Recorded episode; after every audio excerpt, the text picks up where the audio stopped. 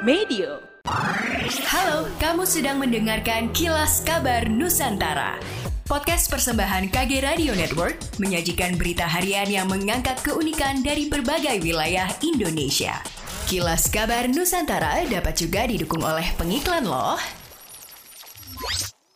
Eh, sebelum lanjut, tanggal 4 November nanti, Kukuh, Dwik, Egi Hau, dan Gautama bakal tanding futsal nih. Pengen main bareng mereka? Atau pengen nontonin keseruannya? Buruan, beli tiketnya sekarang. Cek link registrasi di deskripsi episode kali ini ya.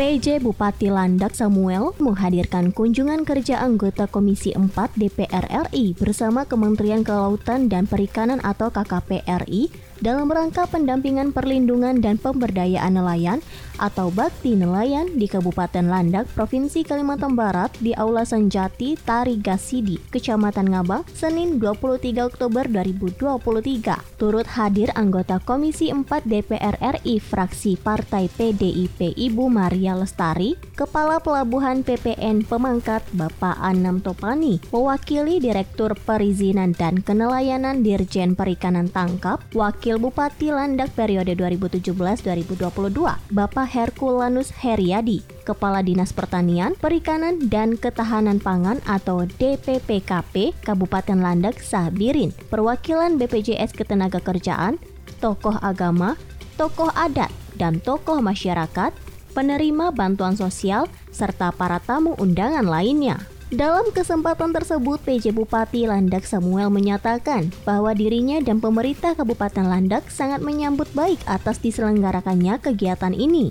Lebih lanjut, Samuel menuturkan pada kegiatan ini nantinya peserta akan mendengarkan arahan dan sosialisasi terkait dengan kegiatan nelayan. Samuel berharap para peserta kegiatan dapat mengikuti kegiatan sosialisasi atau kegiatan pembinaan atau pengarahan ini dengan baik sehingga nantinya dapat menjadi modal dan bekal untuk menjalankan tugas. Mulai 24 sampai 31 Desember 2023 mendatang, Dinas Pemuda dan Olahraga atau Dispora Kota Bandung dan KONI Kota Bandung akan menggelar Pekan Olahraga Tunggal Event atau Portwe Penjabat Wali Kota Bandung, Bambang Tirto Yuliono, pada akhir pekan lalu mengatakan Portway ini menargetkan dapat diikuti oleh 11.000 peserta dari klub dan sekolah mulai dari tingkat SD hingga SMP di Kota Bandung. Rencananya ada 32 cabang olahraga atau cabur yang akan dipertandingkan pada Portway 2023 di empat titik venue yang akan digunakan, di antaranya Sport Jabar Arca Manik, Gor Koni Bandung, Gor Pajajaran, dan Gor Bulu Tangkis Lodaya. Demikianlah kilas kabar Nusantara malam ini.